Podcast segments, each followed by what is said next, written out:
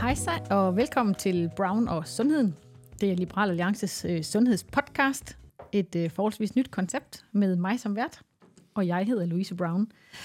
Og øh, vi taler om øh, AI, brugen af AI i sundhed. Og øh, overfor mig, der sidder der en øh, ekspert. Vil du ikke være sød at præsentere dig selv? Jo, tusind tak for at invitere mig. Mit navn er Michael Bosen, og jeg er professor i radiologi på Bispebjerg Frederiksberg Hospital med undertitlen Muskelskeletal lidelser og AI. Og desuden har jeg været med til at stifte et øh, virtuelt samarbejde mellem to hospitalkonglomerater i Region Hovedstaden, Bispebjerg Frederiksberg og Herlug Gentofte, som hedder Radiologisk AI Testcenter.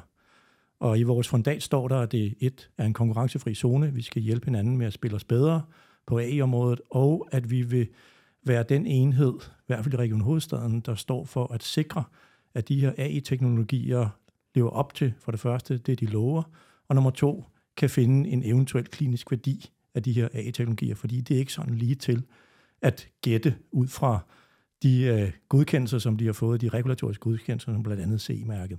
Men det kan vi komme nærmere ind på øh, i den her podcast, håber jeg. Fedt. Ja, og tak fordi du vil komme. Jamen, du er så lidt. Og oplyse. Altså, øh, selvom at det er et emne, som optager mig, så øh, er der stadigvæk meget, jeg virkelig ikke ved. Så jeg håber, du vil være med til at hjælpe mig til at blive lidt klogere, og lytterne til at blive klogere på, på det her med AI i sundhed. Det er jo, altså, AI er jo øh, moderne. Det er noget, vi taler om, og da jeg for mange år siden var, øh, var teenager, var der sådan nogle, begyndte der at komme nogle film, som handlede om AI og kunstig intelligens, som vi kalder det på dansk. Øhm, og den her frygt kunne godt være blandt øh, borgerne om, nu kommer de og overtager os, robotterne og den kunstige intelligens. Vil du ikke prøve at forklare lidt, hvad du, når, når vi taler AI, hvad er det så, du mener? Jo, AI er et begreb, som jo faktisk eksisterede allerede tilbage i 1950'erne, mm-hmm. da vi begyndte at få computere. Det var de store hulkort, hvis nogen kan huske det. Det fyldte et hus, sådan en computer, der kunne regne 2 og 2 blev 4. Øh, det er jo så siden blevet meget forfinet, og nu har vi jo noget, der er flere hundredtusind gange stærkere i vores hånd, i vores mobiltelefon i dag. Øhm, I begyndelsen af 80'erne, så kom der det koncept, som hed øh, machine learning, og, øh, og det er jo et, et, lad os sige, hvor man tager noget data, og så lærer en maskine at udføre en bestemt opgave. Det er så siden 2010'erne blevet forfinet, altså iterativt over årene, men det, der hedder deep learning, og deep learning er det, som vi i dag betragter som af, i hvert fald i de sundhedsløsninger, som vi, øh, vi, vi bruger. Og inden for deep learning er der mange undergrupper, og det vi primært snakker om i dag, det der hedder supervised machine learning, altså supervised convolutional neural networks med et fagterm. Mm-hmm. Og det betyder i virkeligheden, at at øh, vi, øh, vi, vi sikrer noget data. Altså vi skal være sikre på de data, vi putter ind til maskinen, og så lærer vi maskinen at finde det, som vi gerne vil have maskinen til at finde. Mm-hmm. Og det kan den gøre smart, øh, med en hel masse, som man måske har hørt, når det hedder AI, noget, der hedder neuroner. Og neuronerne, det, øh, så, så øh, vi ved rigtig ikke rigtig, hvordan den kommer til konklusionen, men det gør den ofte baseret på de data, og det er en vigtig pointe her, fordi en AI i dag kommer ikke til at overtage os. En AI i dag er jo faktisk ikke klog men den er enormt god til at gøre det, den er blevet trænet til. Ja. Og det skal vi huske, det vil sige, data, den er trænet på, det er det, som er god til at lave, hvad den nu er blevet trænet til. Hvis den ser data, som den ikke er trænet på, ja. så begynder den jo, ligesom vi ser med ChatGPT, at hallucinere. Det vil sige, at den kan opfinde ting, der ikke er der, eller lave forkerte konklusioner, fordi den ikke har set de data før. Så, så det er det, der i virkeligheden er, lad os sige, den helt store pointe, når vi skal bruge, kan vi bruge AI-teknologi i dag? Det kan vi måske, mm. når de er, alle de AI-teknologier, vi er i dag, i hvert fald i sundhed, de er, er underlagt forskellige regulationer, blandt andet Medical Device-regulativet og CE-mærket osv. Nu kommer der snart en AI-forordning, som i EU bliver godkendt i år forhåbentlig. Øhm, men alle de der ting, det er jo enormt svært at opnå at lave de her teknologier for firmaerne, men, men øh, der er en opskrift så, øh, så man kan finde ud af det. Mm. Det, er, det er ikke nemt. Det koster mange penge og tid og alt muligt andet, og man skal have masser af data og sikre på, at de data er repræsentative til det, man gerne vil have. Øh, men det kan lade sig gøre. Derfor, undskyld, øh, der, der er faktisk 512, eller 526 i går, øh, godkendte AI-algoritmer inden for øh, øh, hvad hedder, sundhed i verden i dag. Øh, over 80 procent, måske 90 procent af dem handler om radiologi. Og det er jo mit domæne. Mm-hmm. Og det er jo nok derfor, jeg er her. Det vil sige, vi er også dem, der øh, har været digitaliseret længst. Vi er papirløse siden nullerne. Mm-hmm. Vi har ikke, øh, hvad vi har været vant til at arbejde digitalt siden nullerne, og med alle de store investeringer, vi har i det offentlige, vi er jo det mest digitaliserede land, og inklusive inden for sundhed, så har radiologi været dem, der har været ramt den nyeste teknologi først. Mm.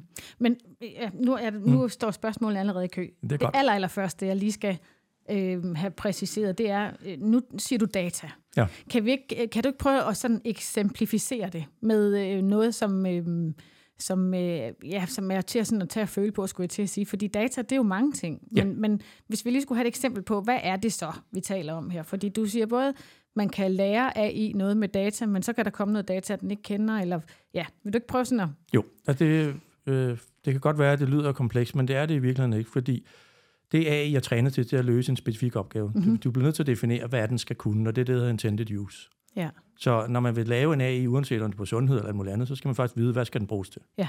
Det har du defineret. Når du så har defineret det, så ved du, hvilken data skal der så ligge til grund for at nå til den øh, evne inden for teknologien. Og inden for sundhed og inden for mit domæne, der er det jo sådan noget, det er jo billeder.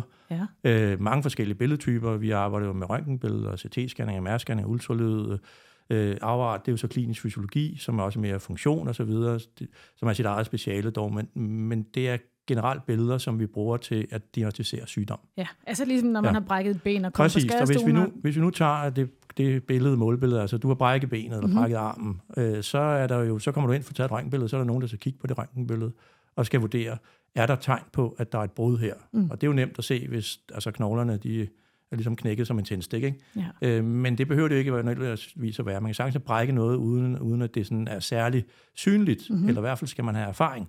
Og det er jo derfor, radiologi og alt medicin i øvrigt er en kunstart. Det er ikke et matematikstykke, det er ikke et facit, fordi det er din erfaring og din, lad os sige, din tilgang, dit speciale og dit humør og alt muligt andet, der påvirker, hvordan du fortolker et billede. Ja. Så det er ligesom at kigge på et maleri med en streg på. Og det der er der nogen, der kan få meget ud af, ja. hvis man er inde i og forstår kunstneren og, og baggrunden for kunstneren osv. Det samme med radiologi i virkeligheden. Jo mere du forstår af baggrunden for det her, det vil sige kliniske oplysninger, øh, hvad er der sket forud, hvad er patientens profil i øvrigt, jo bedre kan du fortolke ja. det, der er i billedet til den sygdomskarakterisering, som du skal spille det op imod. Fordi billeder kan ikke stå alene. Nej, og så, hvis jeg forstår det rigtigt, så handler det jo også om, øh, for dig som øh, radiolog, at du bliver måske også dygtigere med årene, fordi du får flere billeder at se. Yep. Og har en større erfaringspulje i din øh, hjerne, du kan trække på. Præcis. Og det er det, vi gør, når vi lærer AI ja. at skulle kigge på billeder også. Det er jo virkeligheden det. Altså når man er igennem et liv, øh, som jeg har, jeg blev radiolog i 2008, og så har jeg arbejdet med det lige siden, der har jeg jo set tusindvis af billeder, og specielt det subspeciale, som er muskel- og ledsygdomme, det største organ i verden, eller i, i mennesket. Øh, det, øh, det kræver jo, at man ser rigtig mange billeder. Ja. Det er 10.000 vis, og det giver noget erfaring. Og også spektret af, hvad sygdommene er. Fordi det er jo det, altså, det, alle kan se, altså for bagerste række, og uden at have indsigt med en knækket tændstik, for det er brækket, det behøver man jo ikke at være særlig meget trænet til, men det er de små forandringer, og lad os sige, den forskellige anatomi og sådan nogle ting, der kan snyde. Det er det, man får læring. Mm. Og det er det, som, lad os sige, AI'erne til dels nok kan hjælpe os med. Fordi hvis de får adgang til 10.000 vis af data, ligesom vi som mennesker, som vi som mennesker har været trænet på, jamen så kan man jo få dem til at måske at løse en opgave, der er på højde med den ekspert. Ja, de gør det bare hurtigere, ikke? Jamen, det er jo så det, det gør de, men det man skal forstå, det er, at lad os sige, specielt har der været, lad os sige, ude i nogle udsendelser om AI og sådan nogle ting, at sige, jamen radiologi, det bliver de speciale, der bliver unødvendige i fremtiden, når AI rigtig kommer ind på banen. Mm. Og den vil, det er en falsificering. Altså det vil jeg gerne bruge den her lejlighed til at sige, at dementere, det er simpelthen bare ikke rigtigt. Nej. Det er fordi dem, der udtaler sig om det, faktisk ikke har forstand på, hvad det vil sige at være radiolog. Men som det ja. er nu, der hvor man bruger, for der er jo faktisk nogle steder, hvor man bruger øh, AI til ja. at, at kigge på billeder. Ja. Der er der jo også altid en læge til sidst, ikke? Der, der kigger igen, har jeg forstået. Jo, og det er jo så det, der øh, med de her AI-algoritmer, der er stort set alle sammen, de skal jo underlægge sådan uden at det bliver for teknisk, uh, Medical Device Regulativet, MDR i folkemunde, i hvert fald også der arbejder med det. uh, det, uh, og det, det, det skal være minimum det, der hedder, uh, hvad hedder klasse 2. Og klasse 2 har to underklasser, klasse 2A og klasse 2B. Altså klasse 2A, det er så beslutningsstøtte. Mm-hmm. Det vil sige, at du kan ikke lave konklusionen selv, men du skal have et menneske til at verificere, Ja. Altså en ekspert, eller i hvert fald et menneske, en sundhedsperson til at sige, der er det, som AI'en påpeger, der er på billedet, ja. for eksempel. Øh, hvis det er frakturen, vi bruger som målbillede. Øh, og det er jo fint, men det kræver jo, at det er jo ekstra information, som den person skal varetage. Ja. Øh, det er klasse 2b, det vil sige, så kan man automatisk, lad os sige, lave, fjerne nogle billeder, som man er sikker på for eksempel er normale. Det er der kun et ud af de her 526 øh, lad os sige, tools, AI-tools, der har faktisk har fået tilladelse til. Okay. Og så når man skal op og være noget, hvor det potentielt er livstruende, så er det klasse 3. Mm-hmm. Og det er jo enormt svært. Det vil sige, alt hvad der har med kræft at gøre, alt hvad der har med, lad os sige, alvorlig sygdom, for eksempel blodpropper, eller øh, blodpropper i hjernen og blødninger i hjernen og sådan nogle ting, det, det bliver sandsynligvis til klasse 3 device, og det bliver endnu mere sværere at få det label. Mm. Så, men igen er der en opskrift, og, og man skal forstå, hvordan er de her AI så trænet. Jamen der skal man jo sikre sig, at det input af data, man giver, repræsenterer det, som, som man gerne vil have, den skal finde. Mm-hmm. Og hvis det nu er en fraktur af en arm, skal du sikre dig, at der er nok data til en fraktur af en arm, med den variation, der nu er inden for de frakturer, til at give til algoritmen, til at blive god til at finde det. Mm-hmm. Og det gør man jo i dag i, i en kunstig setting for at få en god performance med et laboratorium. Man tager nogen, hvor man ved, det er der, mm-hmm. og det skal der mennesker og eksperter til at sige. Ja. Øh, og så tager man nogen, hvor man ved, det ikke er der. Og det Ja. skal man også have mennesker og eksperter til at sige. Og det kræver 100.000 af billeder for at lave det. Så kan man træne af en, så bliver den rigtig god. Den kan finde måske øh, 95 procent af dem alle sammen, og øh, den gætter kun forkert, altså laver falsk positiv i 1 ud af 10, altså 10 procent. Ja. Det er acceptabelt. Og det er jo sådan noget, det der hedder en rockkurve, sensitivitet, specificitet. Øh, og igen bliver det måske lidt teknisk, men sensitiviteten siger, hvor mange finder du af dem, du gerne vil finde. Mm-hmm. Hvis det er 100 procent, så finder du dem alle sammen. Ja. Øh, specificiteten siger noget om, når du så har fundet noget, repræsenterer det så det, du gerne vil have, det skulle finde. Ja. Så, så det vil sige, men de kan, de kan aldrig være 100% begge to. Så du skal jo skrue på den her, lad os sige, tuning. Ja. Så hvad vil du have? Noget vil du finde dem alle på bekostning af, at du finder øh, flere, som ikke har det. Mm-hmm. Det vil sige falsk positiv. Ja. Når man falder i specificitet, så får man falsk positiv. Eller vil du ikke finde dem alle sammen, og så stige og sige, hver gang jeg finder noget, så ved jeg, det er det. Ja. Så det er sådan en vægtning, og alle leverandøren derude, de har tunet lidt forskelligt. Ja. De her, lad os sige, deres performance, selvom det måske er de samme data, de har haft til grund, fordi det kræver mange data, og det er offentlige, offentlige databaser, som de typisk har fået, plus noget, som de har forbindelse til. Mm. Men når man så kommer ud i virkeligheden, Ja. nu er den jo trænet på, at halvdelen af dem havde det, og halvdelen af dem havde det ikke. Så bliver man rigtig god, fordi hvis der kun var en ud af dem alle, en ud af 100, der havde det, når man trænede, så bliver teknologien eller algoritmen doven. Så gætter den bare det samme hver gang. Fordi så er den jo sikker på, at den har ret 99 ud af 100 gange. Mm-hmm. Så derfor så skal du tvinge algoritmen med at have den her i træningssættet. De her 50-50 procents fordeling. Ja. Når du kommer ud i virkeligheden, altså i den virkelighed, som vi ser i klinikken, Ja. så er fordelingen jo meget forskellig, afhængig af hvilken hospital du har, afhængig af hvilken geografi det er, afhængig og så videre. Det vil sige, at virkeligheden er, det er et eksempel så bagefter. Før var det 50-50, nu er det måske 1 ud af 1000, 1 ud af 100, 1 ud af 100.000, du skal finde. Det kan algoritmen ikke finde ud af. Så den begynder at gætte jo. Den tror jo, det er 50-50. Aha. Sådan lidt i store træk. Så derfor, når du så kommer ud i virkeligheden, så falder specificiteten i særdeleshed.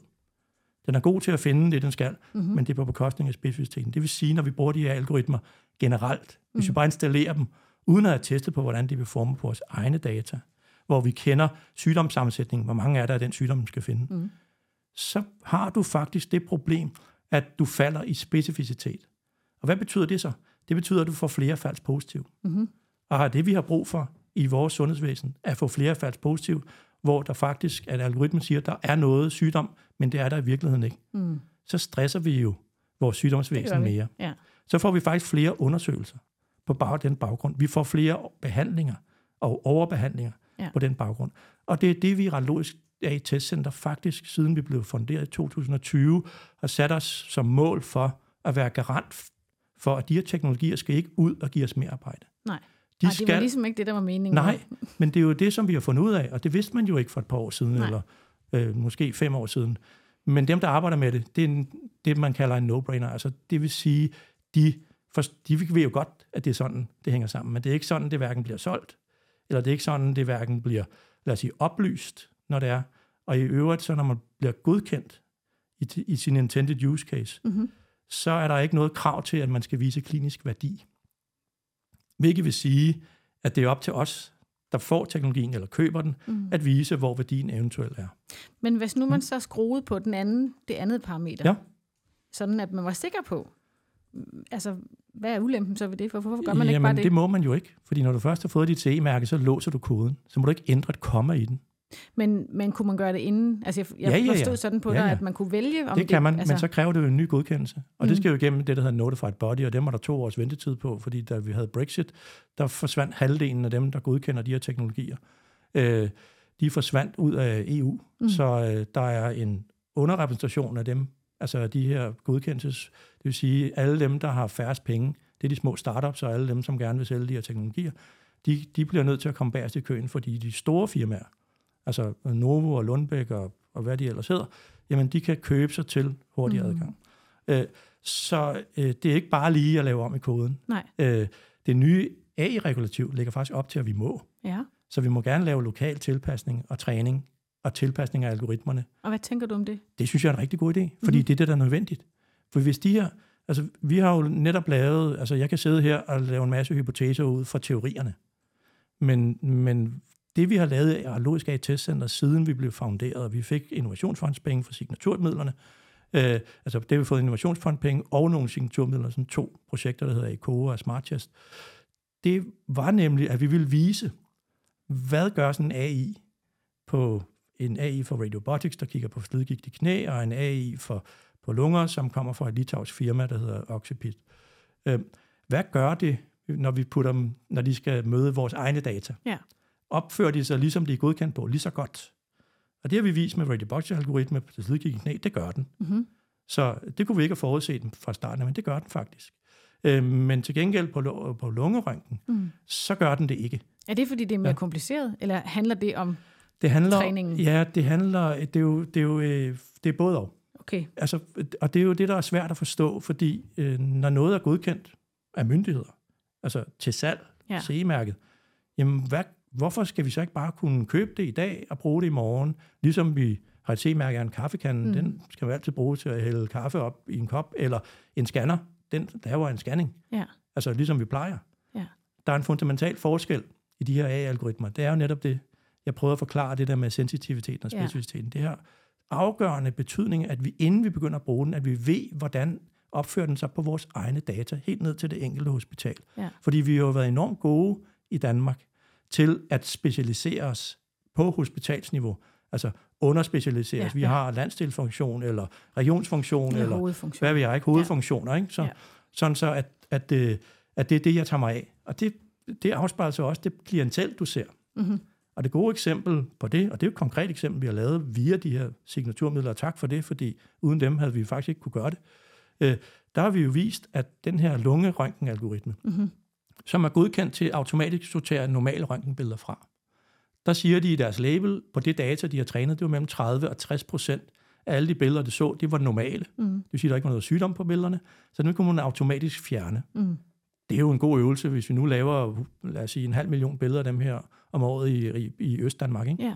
Hvis du kunne sortere halvdelen fra, fordi det er dem, der er normale, Ja. så har du sparet rigtig, rigtig mange ressourcer. Vi testede det så på to hospitaler, Konglomerat og Bisbjerg Frederiksberg og Herlug Gentofte. Det tog os øh, et år at lave det her datasæt, som vi øvrigt skulle søge midler til, eller søge om at få tilladelse til gennem Mm. en national videnskabelig komité. Det tog et år at få den tilladelse cirka. Øh, og så fik vi to eksperter til at sidde og label de her øh, røntgenbilleder uafhængigt af hinanden, og det var jo enige, hvilket jo, de var i 30 procent af tilfældene, fordi det er jo en fortolkning. Mm-hmm.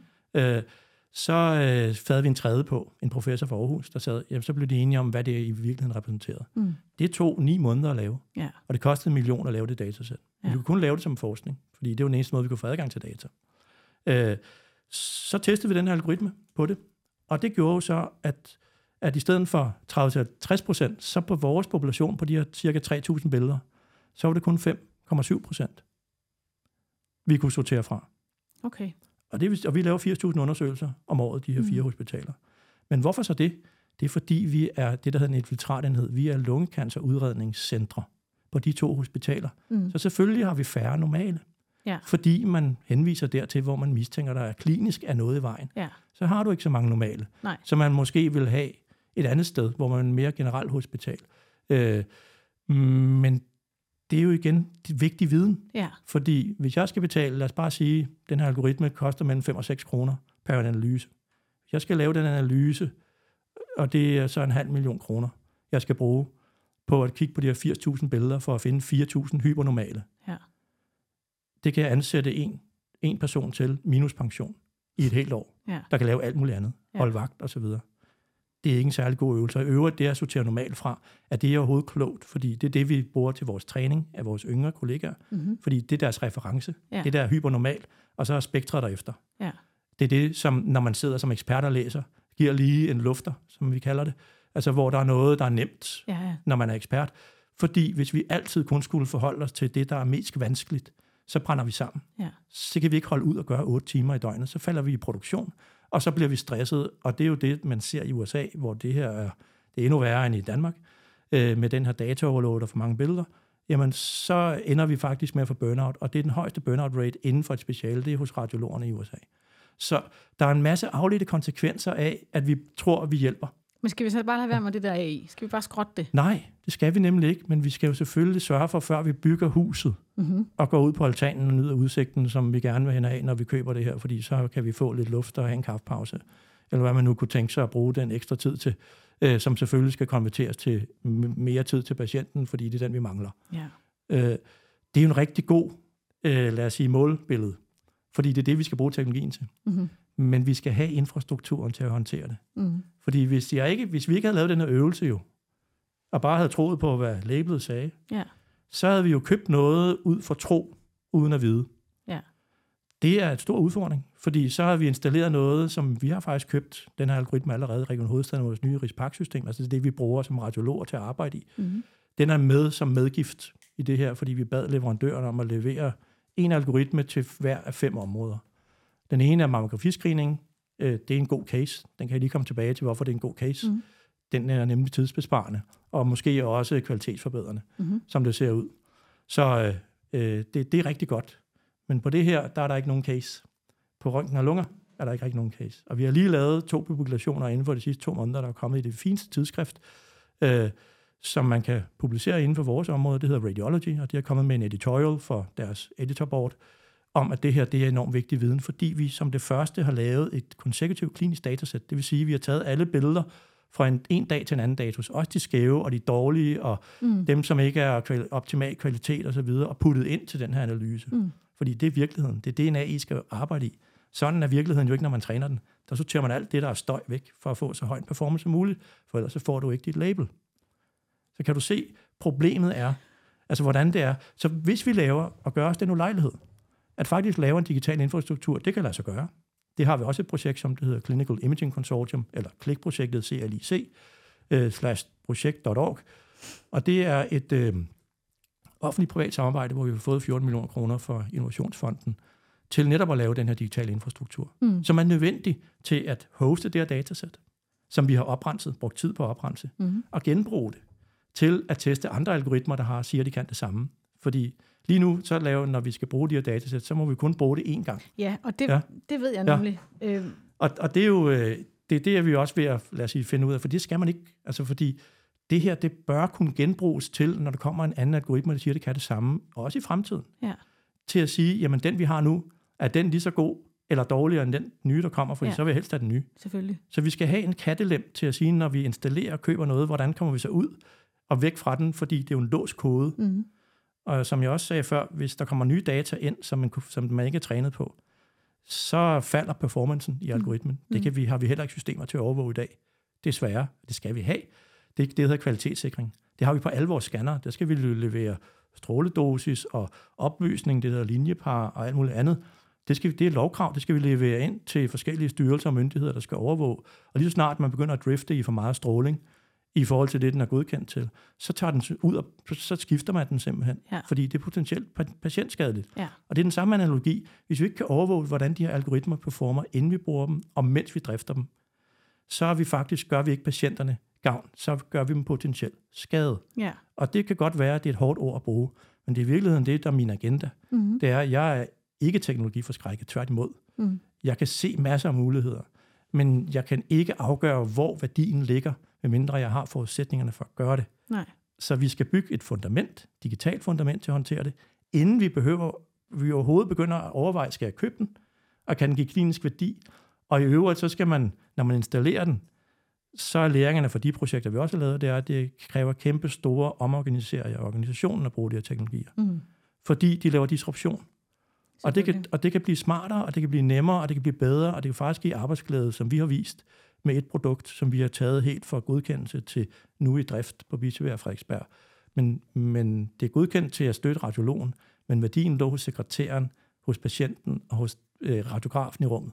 Ikke hos radiologen, de tog mere tid, fordi nu, nu skulle forholde sig til noget ekstra information, Ja, som de ikke gjorde før. ja. Så, så det er den forståelse, vi skal have for de her teknologier. Og derfor er det så fundamentalt anderledes, end noget, vi nogensinde har prøvet før, og vi er ikke parate. Og, og vi kan jo alle sammen blive overrasket over, nu da ChatGPT kom. Gud, hvor vildt. Ja, Det har ramt os i de sidste fem år, hvis ikke 10 år i radiologien. ja. Så vi har godt vidst, det var på vej. Vi har arbejdet med det hele tiden. Det er i vores scannere, fordi det laver bedre billeder og hurtigere billeder. Mm. Men nu begynder det jo at komme ud og påvirke konklusionen på billederne. Ja. Og det er en helt anden scenarie, fordi det er potentielt patientskadeligt. Mm. Og det er det, jeg gerne vil dække op for. Vi skal i hvert fald gøre vores. Så derfor kan jeg ikke med ro i sindet sige, at vi bare skal installere og så høste en gevinst, som jeg ikke aner, hvor ligger. Nej. Før jeg har testet det. Men når jeg har testet det, kan jeg sagtens finde muligheder og huller. Men for at komme tilbage til radiologi, undskyld, til mammografi screeningscasen, som er en rigtig god case, Ja. den har jo for det første fået 5 millioner kroner af Region Hovedstaden til at lave projektet. Mm. Det er stadigvæk i dag et projekt. Det er ikke ja, et projekt i klinisk drift, men det bliver overvåget. Mm. Og det slutter først her efter en toårs periode til slutningen af året her, hvor man har haft sådan det, der hedder en, en screeningsinterval på to år. Mm. Fordi det ser ud som om nu, og, og det er rigtig valide data, at den faktisk kan reducere antallet af genindkaldte. Altså, ja. det vil sige, at man kalder ikke så mange ind, som man gjorde før.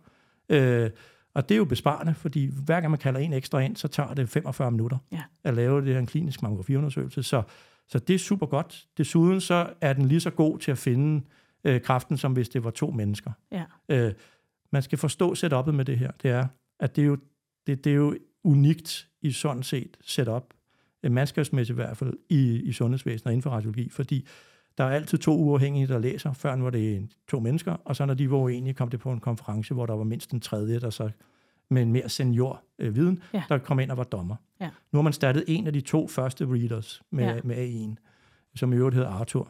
Det kan vi komme tilbage til, hvorfor den hedder det, men det er, det er faktisk meget sjovt, øh, hvis man tænker psykologisk på det. Øhm, men øh, det, er de, det, det har de gjort, og nu måler de på det. Og hvordan kunne de så benchmarke, at det faktisk gav værdi? Det kunne de, fordi de har leveret en rapport på, hvordan de har lavet, hvor mange cancer de har fundet, hvor mange kom der imellem intervallerne af cancer, og hvor mange kaldte de ind. Mm. Det havde de jo data på helt 10 år tilbage. Det er de årsrapporter, der er lavet, og det er Mm. det, det, det, det, lad os sige, opdrag, de er, ligesom da de blev nedsat til at lave en screening, et nationalt screeningsagenda, så var det et af kravene. For man kunne vide, hvornår, altså om man var lige så god, og om man, hvordan man, om man fluktuerede osv.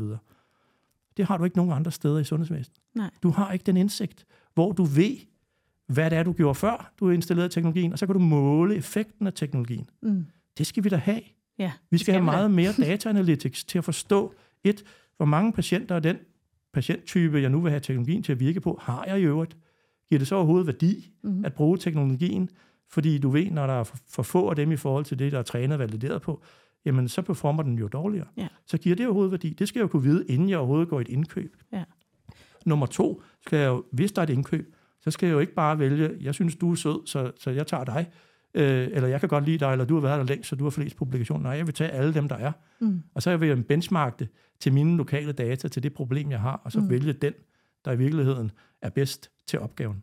Men nu siger du lokale data. Ja. Øhm, fordi øh, jeg forstår godt det, du siger med, at vi er nødt til at teste øh, det, der kommer ind, for at vi er sikre på, at det også giver mening at bruge det. Både om, at den fanger det, den skal, men også, at det er, øh, lønsomt. Altså, det giver jo heller Ja. ikke mening, hvis, hvis det ikke er det.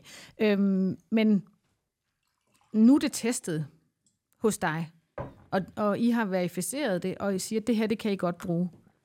Kan man så ikke bare flytte det til øh, Randers, hvor jeg bor, hvis man laver den samme behandling der, vel at mærke? Altså, for, For sådan er det jo. jo, det vil jo være ønskescenariet, ikke? Ja. eller ønsketænkningen. Altså, det er jo det, som, lad os sige, skalerbarheden er jo det store problem. Ja, Øh, fordi vi kan relativt nemt også egenudvikle algoritmer for det til at virke lokalt. Men vi skal huske på, at der er mange såkaldte det, der hedder bias. Altså, hvad er det, der kan påvirke en konklusion på en AI? Det er rigtig mange ting. Det er et af, som jeg lige sagde, hvor mange er der en specifik sygdom? Det er det, der hedder sygdomsprævalensen. mm-hmm. Nummer to er, hvad er det for en befolkning, du kigger på? Hvad er deres sygdomsprofil i øvrigt? men er bryster ikke Ja. en, som det er København eller Nej, Randers? det, nej, det er det ikke. Det er det, det er det ikke nødvendigvis. Og det er der gode eksempler på. Fordi øh, Region Syd har jo et tilsvarende mammografiscreeningsprojekt. Ja. Det hedder MAGI, M-A-G-I. Øh, de har taget 300.000 data og testet på for deres population. Ja. Og Region Hovedstaden havde taget 135.000 data bagudrettet med den her algoritme, vi- der nu er endt med at blive købt, af- eller i hvert fald implementeret i det her projekt, Mm. øh, hvor den performer godt. Og øh, det er en anden leverandør, der i gåsøjne vinder øh, nede hos Region Syd. Så det er et andet firma. Fordi, og hvorfor så det? Det er der mange årsager til. Jamen, det er jo øh, pa- patient, øh, lad os sige, sammensætningen. Det er demografien, det er socioøkonomiske forhold, det er alt muligt, der påvirker det her. Hvilke følgesygdomme har du? Øh, Altså, hvordan er din statur? Hvad er din genetik? Og alle sådan nogle ting. Alt det kan påvirke en AI. Og det er jo sådan, at i sundheds, sundhedsloven, der står der, at vi skal gøre det lige så godt for den enkelte, som vi skal for samfundet. Mm. Så på AI, hvis man skal omsætte det til AI-algoritmer, så for at gøre det godt for den enkelte, så skal vi have adgang til alle data. Mm. Altså på hele den population, vi bruger det på, for at gøre det godt for den enkelte. For hvis du ikke har set de data, så bliver du ikke set af AI-algoritmen. Mm. Og det er jo, er jo i kontrast med, hvordan vi tidligere har fået adgang til sundhedsdata på. Der skal vi jo øh, efterleve det, der hedder dataminimeringsprincippet, som står i komitéloven. Øh, og det er jo med god fornuft, fordi vi skal jo kun få det antal data, der kan svare på de spørgsmål, vi, vi skal have, når vi laver forskning. Og klassisk forskning kan sagtens håndtere det her. Det er jo sådan, vi er, men AI laver disruption også på det her felt. Fordi hvis du laver dataminimering, altså får adgang til data, og hvis du laver din beregning på, hvor mange data du skal bruge på den performance, som der er publiceret øh, på de data, som jeg sagde før, 50-50 eller hvad det nu er, jamen så får du for få data til, når du har en mindre population, til Ja. at teste. Ja. Så, så, så det er en, det er på alle niveauer laver AI disruption. Og det er derfor, vi, det er derfor, det er så komplekst og så vanskeligt at, at overskue. Fordi det er de her mange ringe i vandet. Ja. Det nytter ikke nogen, kun noget at løse den enkelte problemstilling eller task med AI'en. Man skal kigge på, hvad konsekvenserne af den task bliver løst. Hvor er det, at tasken i øvrigt bliver løst henne? Fordi i dag er vi jo silofinansieret. Ja. Så vores radiologiske afdeling får et rammebudget til hvert år, som er baseret på, hvad vi lavede for to år siden. Kæmpe Fordi- udfordring, ja, hvis du og- spørger mig. Jamen 100% kæmpe udfordring. Fordi vi skal så levere en ydelse i kvantitet, altså i antal scanninger, øh, som er det samme hvert år. Derfor har vi datatavler stort set. Og det er der nogen, der godt kan måske være uenige med mig i, men vi, at det vil gå væk, væk fra alt muligt andet. Men det er i princippet, så skal vi jo levere et antal undersøgelser, øh, som, øh, som vi gjorde sidste år, og helst lidt flere Mm. til lidt færre penge. Og det kan vi også gøre teknologisk, men, men hvad det hedder, hvis AI'en kommer ind og pludselig tager mere tid for at lave ydelsen, så, så laver du flaskehalse, så laver du stage, så får du, falder du jo i såkaldt produktion. Det bliver man så straffet af i, sit budget om to år. Ja. Hvis vi forbruger mere, end vi har fået tildelt, jamen så får vi også mindre, fordi nu er det forbruget mere, så derfor skal vi også straffes ja. I gåsøjne i vores Ja. budgetter.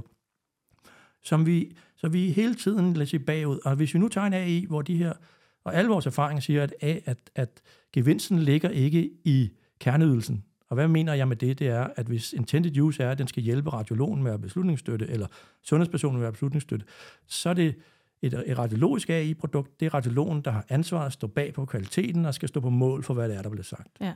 Sådan er det i dag, og det er også der har ansvaret i virkeligheden. Men værdien ligger for eksempel i, med frakturen i akutmodtagelsen.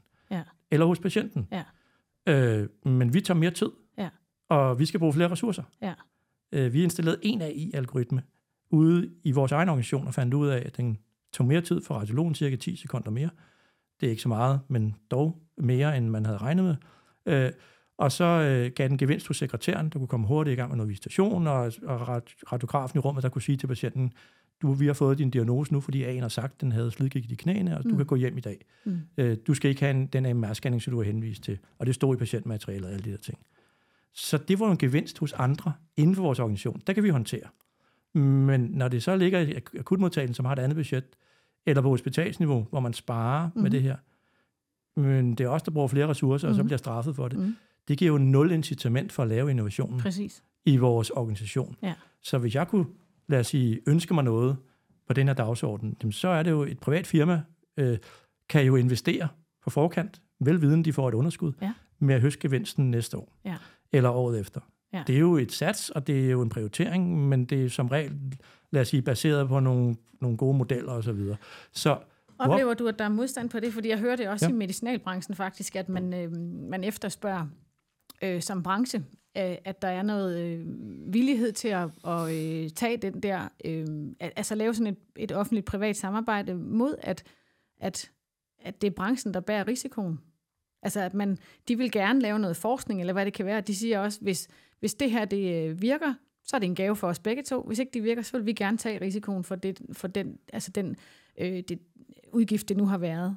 Er, er det ikke lidt det samme, jo, du siger? Altså, altså? Men, men i virkeligheden, det er, altså, og det, det, det, er jo det, vi gør i dag. Altså, vi laver masser af offentlige private samarbejder, og det er jeg totalt fortaler for, fordi der er en agilitet i det samarbejde, der gør, at tingene kan ske. Ja. For man skal huske på, at det offentlige, der kan vi ikke røre en finger, før vi får finansieret. Nej. Jeg kan ikke lave projekter, innovation, købe folk fri til en eller anden ydelse, som vi ikke har gjort før, eller hyre nogen ind. Nu mangler vi dem, men, men hvis jeg kunne ja. finde dem, øh, uden at jeg har midlerne på forkant. Det er simpelthen umuligt, mm. og det er derfor, vi i det offentlige igen desværre bliver sagt, jamen vi er langsomme, vi er, altså, vi, vi, alt går galt, og det, det går langsomt og alle nogle ting. Øh, men det, det er konsekvensen af det, at vi ikke kan, vi har ikke den agilitet, som mm. et privat firma har. Mm. Og, og mange af de ting, vi gør i det offentlige, hvis det er et privat firma, så var den bestyrelse blevet fyret for lang tid siden. Ja. Altså, så, så, og, og det er jo, det, det er jo som min egen person, det skal lige sige, det er min egen personlige ja, mening omkring ja. det her, og det, det har ikke noget at gøre med radiologisk AT-center som sådan. Men, men, men jeg kunne godt se, at hvis vi havde flere muligheder for at investere i noget, mm. velvidende, vi så kunne høste gevinsten senere, mm. og det også var afspejlet i budgetterne, det vil sige, at vi kunne tage risikoen, så øh, er vi da villige til det. Men for at komme tilbage til et spørgsmål, vi gør det jo i, i stor stil i dag, fordi det, altså, du kan sagtens gøre det, men det koster bare et phd projekt Ja. Altså, det, og det er 1,8 millioner kroner, hvis det skal være en læge, altså en, en yngre læge over tre år med udgift til universitetet og rejser og publikationsudgifter. Men det er de færreste, der har den tålmodighed jo, mm. til at vente tre år på, at du får resultatet af din investering. Ja. Den vil du gerne helst se sådan relativt umiddelbart efter, du har lavet øvelsen. Øh, så, så for at komme tilbage på A-sporet, så, så handler det her jo om, at vi vil enormt gerne i radiologisk AT-center, og det er vi enige om på tværs af regionerne. Vi har faktisk også et regionalt initiativ, nedsat af Danske Regioner for Sundhedsdirektørkredsen, nu underlagt regionernes IT, øh, her på 1. september, øh, taget radiologi som use casen. Hvad er det, vi gerne vil mm. med det her af? Hvad er det, det kræver for, at vi kan tage det? For lige nu kommer det ind alle vegne, for at vi får proppet det ned, uden at vi har lyst til at have det. Vi, vi kommer ind, men når vi køber nye maskiner, så er det på der, ja. på apparaterne ja. og sådan nogle ting. Altså, og det giver, som jeg sagde, altid mere arbejde. Og det har vi ikke lyst til at have, øh, uden at vi selv er med til i hvert fald at kontrollere en, en stor del af det her. Mm. Og, og det er jo nogle gode initiativer, og der er vi enige på tværs. Så vi vil gerne være det fagpersoner, der kan sige, hvor gevinsten ligger, fordi det er os, der kan det. Det er mm. ingen andre, der kan forudse. Det kan ikke engang direktøren på vores hospital. Det spørger han jo også om. Hvor er det, du kan se potentialer med det her? Ja. Og hvis jeg ikke kan svare på det, fordi jeg ikke har midler til at undersøge det, jamen så er det det, han får svar. Ja. Øh, eller hun får svar, afhængig af, hvor man er.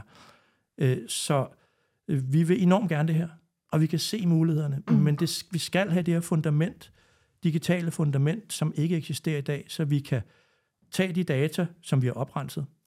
Og hvorfor skal de oprenses? Det, det er et godt eksempel på, at vi laver 14 millioner fejldiagnoser i medicin om året i Europa. Mm. En tredjedel af dem er fejl i radiologirapporter. Ja. Og det er fordi, der kun er et menneske og en synsning, der har kigget på billedet, og beskrevet, hvad de synes, ud fra ja, deres ja. referenceramme, eller ud fra det kliniske spørgsmål. Og der er mange, der bare svarer på det kliniske spørgsmål, uden at besvare, skrive på alt det andet, der er i billedet, som oftest ingen relevans har. Ja. Så hvis man får en AI og slipper den løs på et billede, der kan finde 75 forskellige ting, så får vi jo at vide alt det, som der er på billedet, ja. Men også støj. Men, men en masse støj, fordi ja. det er ikke noget, der har relevans for den sygdom, du er kommet ind for. Nej. Og det er jo det, der er faren ved det her også hvis vi slipper det løst, uden at kunne kontrollere det. Mm. Uden at kunne sige, du må gerne kigge på det her fund, men ikke på de andre fund, fordi det ved vi. Og det har vi faktisk testet. Ja. Så vi har et apparat, der kan, et udapparat, der kigger på lungerøntgen. Det er sådan et, man tager, altså hvis man er syg og kan ikke komme ud af sengen eller komme ned på radiologisk afdeling og stå op, som man helst skal have, når det er lungerøntgen.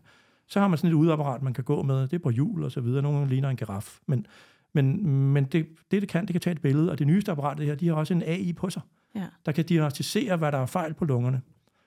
Det testede vi så, øh, uden at nævne leverandøren, men, men det testede vi så på det her referencedatasæt, vi har brugt rigtig mange penge og lang tid på at lave, som er det øh, fineste scenarie i verden, og alle forherliger det. Mm. Øh, fordi der er ingen andre, der lavet det endnu. Øh, men det er måden at gøre det på.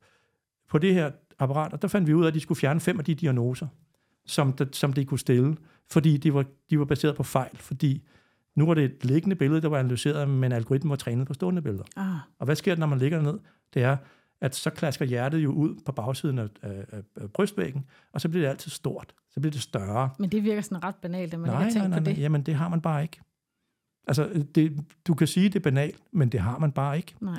Det er installeret, det er C-mærket, det er i apparatet, værsgo. Ja. Vi har købt det, det er et medgift. Hvis vi ikke kan teste det her, så har alle gået rundt og har et forstørret hjerte, det vil sige, så har man hjertesvigt. Ja, ja. Aha. Nej, det skulle jo fjernes. Og desuden så, det er en anden ting, man gerne vil bruge på, det var, hvis lungen var sammenklappet. Og det kunne den heller ikke finde ud af. Der var den også lavet den fejl i 30 procent af tilfælde. Mm. Så i virkeligheden, hvad kan det bruges til? Sådan cirka 0. ja. Så det er godt, vi har et radiologisk testcenter. Jamen, det er jo det, der er behov for. Ja. Og- Men, men ja. ja. Ja, altså, tiden løber. Ja. Men det er mega interessant, det her. Mm. Du sagde, øh, der er to ting, jeg, jeg i hvert fald synes, Mm. vi skal have opklaret. Der er det her med adgang til data, og så er der det med infrastrukturen. Skal vi starte med adgangen til data? Ja. Det hører jeg virkelig, virkelig mange, der siger, at det er et stort problem, hvis vi skal benytte os af teknologien og benytte os af alt det, vi siger, vi er dygtige til i Danmark, så bliver vi nødt til at have adgang til mere data. Og AI, altså skal have mange data. Mm. Som jeg sagde før, hvis du ikke er repræsenteret af data, så vil du ikke blive set af en. Nej. Så derfor skal man have adgang til meget. Så, og der er også i gang med at lave en, en lovhjelm nu, der skal i høring, Ja. øh, som, lad os sige, tager, tager højde for noget af det. Det er det, det er her med, kun- at man godt må bruge det med en gang, ikke? Jo, jo. Altså, det genbruger data, og Ja. det der er jo hypotesegenererende, øh, lad os sige, analyser, det vil sige, det er mere til genomcenter osv., hvor man gerne vil se mønstre, som man ikke har set før, som mm-hmm. kan hjælpe fremtidige patienter. Hvis du spørger patienterne, ja, så, Ja, de vil, vil gerne. så vil 9 ud af 10 gerne dele deres data, Det vil hvis de det kan hjælpe gerne. dem eller fremtiden med samme sygdom. Spørg de pårørende, så, så er det nogenlunde den anden vej rundt. Ja. Men det er jo sjovt, når man så bliver syg lige pludselig går Så for vil at man være, egentlig gerne så, have vil, haft, at der var så, nogen... så skifter man mening. Ja, Så det er jo ikke, i min optik hører jeg det ikke for patientforeningerne, eller for mine patienter, eller for vores patienter. Nej. Nej, de vil gerne have, de forventer det faktisk. Når ja. Ja. de så siger, at vi kan ikke, så bliver de faktisk indigneret og sure. Ja. Hvad, det kan da ikke være mening og alt muligt andet. Men vi må det ikke lovgivningsmæssigt, og den er jo også forældet. Så Mhm. heldigvis er der begyndt at blive lavet noget ved det. Nummer to er jo, at de her data, de, de skal jo repræsentere det, som vi, vi tror, de skal, at der er i for eksempel billederne. mm-hmm. Og det kræver det en oprensning. Og så skal de kunne genbruges. Ja. Øh, vi, som jeg sagde tidligere, så bruger vi jo meget, øh, har vi jo lovkrav på, at vi skal øh, sikre vores medicinske udstyr på alle mulige måder og levere data ind til det. Hvordan gør vi det? Det bruger vi et fantom til. Mm. Når det hedder AI og beslutningsstøtte, så, så er fantomdataene patientdata. Mm. Så derfor skal vi jo også have en, lad os sige, en mere bred forståelse af, hvad er det data skal kunne og skal kunne blive brugt til. Fordi hvis jeg skal sikre dig som patient Mm. i mit system med min AI, så bliver jeg nødt til hele tiden at have adgang til de data, der bliver genereret, for at sikre, at den teknologi, du bliver udsat for, ja. lever op til at svare på det, som jeg forventer, den skal. Ja. Den kvalitetssikring har vi ikke i dag. Og desuden så, øh, fordi vi er så digitalt fremme, så hver gang en, en AI er installeret, vi har fundet use casen, den virker godt der. Fint. Men i morgen får du en softwareopgradering. I overmorgen, der får du et nyt udstyr, som er baseret på en ny teknologi, og i, i radiologi, der fordobler vi datamængden hvert år, fordi Ja. den nye teknologi gør, at vi kan lave mere og, øh, med højere opløsning osv. osv. Og det her, de her AI er jo slet ikke tilpasset til. De har altid kun kigget, trænet og valideret på bagudrettet data, Mhm. mm-hmm. inklusiv valideret på bagudrettet data, fordi vi ikke må få fremadrettet data. Mm. Øh, og det gør jo så, at vi skal kunne måle, når de her koder er låst, det er de, når de er C-mærket, som det er nu. Mm. Så når du kommer ud i virkeligheden, så ender du, ender du på tæller og nævner, så bliver resultatet anderledes. Ja. Og det resultat skal du kunne monitorere, ligesom man jo gør med mammografiscreening-casen. Mm-hmm. Hvordan performer det her over tid på dig, når der kommer nye data ind? Den kvalitetssikringsloop er teknologisk muligt. Vi har lavet det i vores klikprojekt. Vi mangler bare at lad os sige, få rigtige data ind til at teste, men det er kørt, kørt med dummy-data. Så vi ved, det kan lade sig gøre. Så det er lovgivningen, der, der halter her? Lovgivningen, for at få, få fjernet lidt det der med at sige, at vi har lovgivningsmæssigt delt data op i tre siloer. I forskningsdata, i patientbehandlingsdata og i kvalitetssikringsdata. Ja. Det er det data, uanset hvor du er i den agenda, er de samme. Ja. Så vi skal viske skodderne væk mellem de to, eller mellem de kunstige opdelinger, ja, som vi historisk har gjort. Og det er jo det, vi er på vej med. Altså, det er jo, alle ønsker det i det her felt, inklusiv etisk råd og så videre, fordi det giver en masse arbejde til nationale videnskabelige komitéer, som de ikke har behov for at få. Mm. Øh, så øh, I skal se det som, som et af af det samme stykke. Ja. Og afhængig af, men du skal selvfølgelig definere, hvad du bruger data til fremadrettet. Og så længe det er en sundhedsperson, der arbejder med data, under den lovgivning, vi har allerede nu, og ifølge også i forhold til GDPR, der kan man faktisk få dispensation for at arbejde med patientdata også fremadrettet, mm. hvis du er sundhedsperson, og det bliver brugt til sundhedsfremme, sundhedsbehandling eller forebyggelse osv. Der er sådan forskellige, jeg kan, jeg, det står i, i GDPR-regulativet. Så, så det er ikke derfor, Nej. at vi har problemet. Nej. Øh, så, øh, så hvad er vores udfordring så? At der er en indbygget frygt, og man skal ikke være bange for, at maskinerne overtager os. Som jeg sagde, de er dumme, de kan kun det, som de er som trænet vi har til. lært dem, ja. ja. Og de kan kun gøre det, som deres, det data, de lægger til grund for. Ja. Så, øh, så vi skal se data som, ikke at de bliver robotter, der erstatter os, men at det bliver teknologi, der klæder os på, ligesom en cyborg. Ja. Og en cyborg, det er jo altid mennesket bag, men som er argumenteret. Ja. Det vil sige, at man kan blive stærkere, og hurtigere og bedre. Ja. Og der skal vi bare finde ud af, hvad er det for nogle dele, vi skal putte på mennesket, og hvor, og hvor det skal være hen. Mm. Fordi det er meget afhængigt af, hvilken hospital du er, hvilken patientpopulation du er, som jeg sagde, og hvor hen i landet du er, mm. og så videre, så videre. Og det er derfor, at jeg sidder og siger her, vi bliver nødt til at være en lille smule realisme, mm. realistiske, mm. og ikke, øh, øh, som vi er nu, langt hen ad vejen, sådan på toppen af det, der hedder Gardners Hype Cycle, hvis I kender den. Så, hvis I ikke gør det, så skal I kunne den, fordi det er sådan med al teknologi, så kommer der en hype, og så bliver man skuffet over, at den ikke leverer det, den kunne, og så til sidst så ender man på et, på et højere niveau, når man kom fra, hvor mm. man har mm. fundet lejet for teknologien. Og det er de trin, man skal igennem. Og lige nu, der er vi altså langt hen ad vejen meget tidligt på AI-området, og på toppen af hype-cyclen i store dele af vores samfund. Vi er dygtige i Danmark, siger vi til alt mm. muligt. Er vi øh, bagud her i forhold til resten af verden? Nej, vi er faktisk øh, ret langt fremme, som man kan se. Vi er jo nogle af de første, der publicerer de rigtige studier ja. på det her, hvor, hvor det tidligere har været laboratoriestudier, ikke klinisk konsekutive data, og det kan vi jo gøre, fordi vi har så gode data, data i Danmark. Ja. Og fordi vi har adgang til de data, vi har registre og alt muligt andet, vi kan korrelere det til. Ja. Og en vigtig pointe, vi skal også skal lige bruge tiden på, det er, at billeder kan aldrig stå alene. Det skal altid fortolkes ja. i den kontekst, som sygdommen ses i. Fordi hvis vi ikke gør det, så laver vi overdiagnostisering, og der er faktisk 25-40 procent af defineret sygdom i billeder, på alle billeder, vi laver, som ikke har noget som helst med sygdom at gøre, og som faktisk ikke er farligt. Men hvis du får diagnosen, ja. så, så har det afledte konsekvenser. For eksempel MR-scanning af knæ. Hvis man har ondt i knæet og har artrose, så er alt galt. Mm. Hvis man er sportsudøver og MR-scanner af knæ, så er også alt galt. Mm. Hvis vi herinde blev scannet, der er ikke ondt i ryggen, så har vi også alle sammen diskusprolapser og alt muligt andet. Så det nytter ikke noget at lave flere billeder. Vi skal faktisk lave færre billeder. Og ja. vi skal bruge vores ressourcer, også AI'en, til at sætte strøm til retningslinjer, så vi kan, så vi kan lave, lad os sige, gatekeeper ja. til, hvad, hvad, hvad er det for nogle undersøgelser, der skal laves. Og det har vi et godt eksempel på med Radiobotics, pro, øh, hvad hedder det, projektet, øh, det der hedder ACOA. Det faktisk er nemlig lavet til at sige, hvis du har artrose på dit røntgenbillede, altså slidgigt, så skal du ikke have en MR-scanning men det gør vi i Region Hovedstaden. Der får 60-80 procent af dem i alderskategorien du skal 45 gang med at træne lidt. Fem, jamen, 45 og op efter. De har adgang til MR-scanning uden røntgenbillede, ja. på grund af deres sundhedsforsikring. Men det kræver en masse støj og en masse unødige undersøgelser og alt muligt andet. Så det skal vi jo, retningslinjerne siger, det er en klinisk diagnose, maks et røntgenbillede, og så er det træning og vægttab. Mm. Er ikke andet. Mm. Og det er det, vi har vist nu. Vi kan mm. spare 30 procent af unødvendige MR-scanninger på den her øvelse, bare på et hospital det, hvis vi starter der, ja. så er der allerede nogle guidelines, vi kan følge, og sætte teknologien smart ind der. Det vil i hvert fald være mit bud. Mm. Men før vi overhovedet når der til, så kræver det, at vi har fundamentet. Ja, og, og det bliver det vi nødt til. Også? Infrastruktur, IT-infrastrukturen bliver vi nødt til at have, om den skal være regional, national, eller hvad det er. Det skal jeg ikke blande mig i, men det alle skal have den samme. Ja. Og, og det er der behov for, så det fundament står vi på, og det er vi enige om på tværs af alle radiologiske specialer og, og ledere i hele landet, ja. at det er forudsætningen.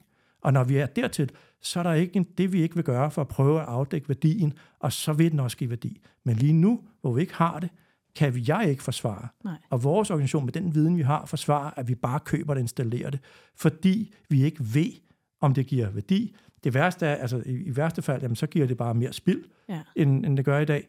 Men i, i værste fald, så giver det jo faktisk øh, patientskade, Ja, ja. øh, overbehandling, underbehandling og alt muligt andet. Så, så øh, det er en forsigtig optimisme herfra, øh, men det er kommet for at blive, og vi skal kunne håndtere det, for det er fremtiden. Mm. Vi kan ikke løse vores sundhedsudfordring uden, men det skal gøres ordentligt. Vi skal nøde ind i en eller anden, hvor vi gør lidt, det er lidt for hurtigt, og så kommer der en skandale, der spænder ben for alle de andre gode initiativer, der er.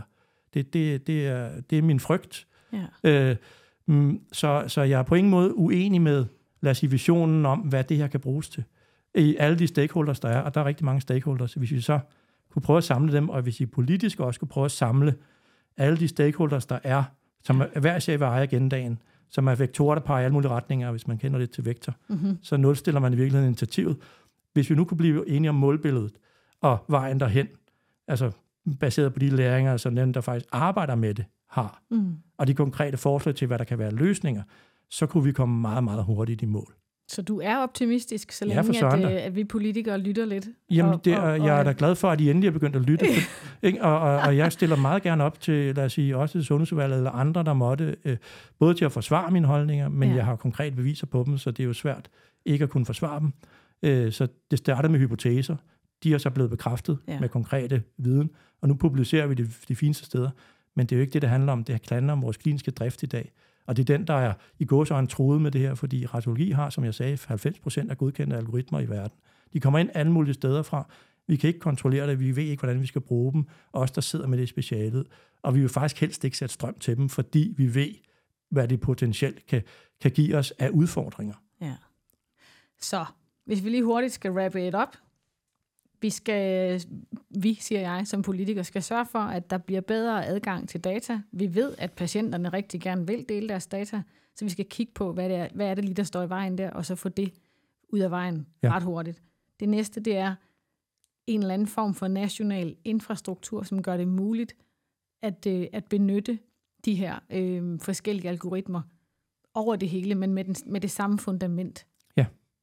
Og det skal vi ikke nødvendigvis lave en genomcenter 2, Nej. fordi det er ikke, men vi, genomcenter er et meget godt eksempel på det. Mm-hmm. Øh, fordi det er, jo, det er jo både på finansloven, og der er et krav om, at alle genprøver skal derind, og så Mhm. skal det gemmes på Rigsø. Mm. Mm. Det her, det handler om, det er jo teknologisk muligt at, at lade data være, hvor det er i dag. Ja. Det er vores lokale, om vi er i cloud, eller om vi er på server, eller hvad det er, det er lidt forskellige regioner. Men vi kan jo faktisk gøre det sådan, at teknologien kan flytte. Ja. Den kan pakkes ind i det, der hedder en docker, Ja. Og så kan den passe ind, hvis vi har defineret, hvordan den skal passe ind, til de forskellige inf- IT-infrastrukturer, vi har, hvor vi har de her datasæt. Så kan vi jo bare flytte teknologien og benchmarke den lokalt. Ja. Så vi skal ikke lave et nyt arkiv oven på arkivet. Det er ikke det, det handler om. Nej. Men visionen er, at vi skal bryde de her grænser ned. Og den anden kæmpe fordel ved det vil være, vil være så kan vi også pludselig begynde at se hinandens billeder på tværs af regionerne, hvilket vi ikke kan i dag. Ja, Fordi vi har forskellige systemer. Vi flytter os jo som patient, fordi vi kan selv vælge, hvor vi behandles, og der er landstilsfunktioner, hvor man er nødt til at flytte sig, men du kan Ja. faktisk ikke se, hvad der er blevet lavet. Og endnu værre er det ude i det private. Mm. De har ikke adgang til vores billeder i det offentlige, og omvendt. Ja. Hvilket, der er jo sådan helt underskov, hvad vi ikke aner, hvad det er, vi hinanden laver. Ja. Så der er en masse øh, lad os sige, potentielle gevinster i at samle det her, så vi kan få overblikket og også rydde op i nogle af de overdiagnostiseringsagendaer, som, som der helt klart er inden for radiologien, Ja. og som vi aktivt arbejder med, blandt andet med, med John Brodersen men, og, og vel klogt initiativet. Altså der har vi jo vist, at vi Mm. kan spare rigtig mange unødvendige Mm. billeder. Så, så, så det er jo, øh, passer jo også ind i vores dagsorden, og, og, og hvis vi endelig skal gøre den grøn, den dagsorden, jamen så jo flere billeder vi sparer, jo mindre strøm bruger vi, og så Ja. har vi faktisk også sparet noget CO2 på den der regning. Og i sidste ende, så Ja. kommer det... øh, Patienterne til gode. Præcis. Fordi de får nemlig adgang, når de har brug for det, og vi fylder ikke vores ambulatorium med unødvendige, lad os sige, kontroller og alt muligt andet, som der ikke er behov for. Om det er jo perfekt. Jeg øh, skal i hvert fald gøre mit til, at øh, vi kan få nogle af de her øh, forhindringer ryddet af vejen så hurtigt som muligt. Jeg håber, der er nogen, der vil lytte til det her, og lytte til dig, og lytte til mig, og alle de andre kloge mennesker, som, øh, som er med på den her dagsorden. Nu er det i hvert fald på dagsordenen, så lad os se, om ikke, det, om ikke vi kan kan komme i gang. Jamen, tusind tak, og jeg stiller meget gerne op, øh, og man kan følge mig på LinkedIn, hvis det for ligesom at finde lidt mere ud af, hvad vi går og laver. Så. Fantastisk. Tusind tak, Michael, fordi du ville være med. Det var så lidt. Tak. Det var, hvad vi lige kunne byde på for nu i Brown og Sundheden. Jeg øh, håber, at I nød det lige så meget, som jeg gjorde. Det her øh, har været lærerigt, og øh, må ikke der dukker et nyt program op en af, af dagene i den kommende fremtid, som øh, du kan lytte med på. Tak for nu.